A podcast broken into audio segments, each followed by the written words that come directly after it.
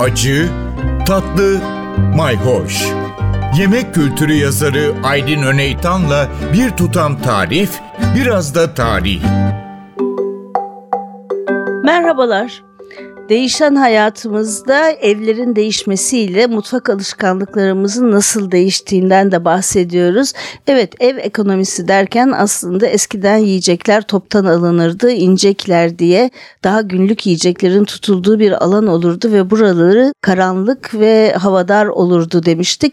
Aslında bunu bugünkü apartman hayatımızda da canlandırmaya çalışıyoruz. Balkonlar kapatılıyor.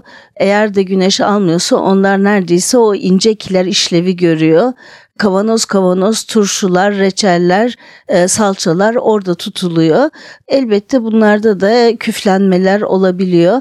Ben salça için özellikle üstünü incecik bir yağ tabakasıyla kaplanmasını öneriyorum. Biraz zeytinyağı veya da sıvı yağ salçanın oksijenle temasını kesecektir ve küflenmeyi önleyecektir.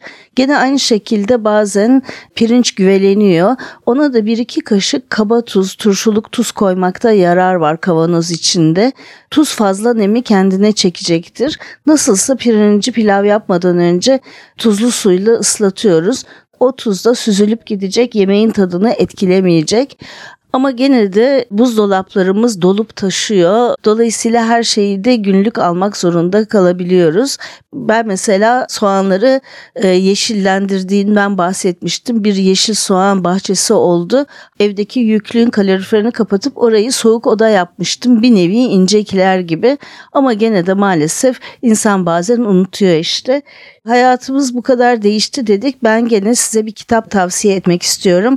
Nevin Meriç'in Adab-ı Muaşeret kitabı Osmanlı'da gündelik hayatın değişimi 1894-1927. Evet Osmanlı'nın son dönemleriyle Cumhuriyet'in ilk dönemlerinde hayatımızın nasıl değiştiğini anlatıyor. Mimari yapıdaki değişimi de ayrıca ele alıyor. 180. sayfadan itibaren eski Türk tipi bahçeli evlerden apartman hayatına geçişimizle birlikte nasıl değişmiş çok güzel gözlemler var. Evet hem fikirlere hem de bu değişime hem de özellikle 1800'lerin sonlarında 1900'lerin başlarında ev kadınları için verilen dünyadaki eğitimlere değinmeye devam edeceğiz. Gerçekten çok ilginç benzerlikler var. Takipte kalın, hoşça kalın. Bir tutam tarih, biraz da tarif.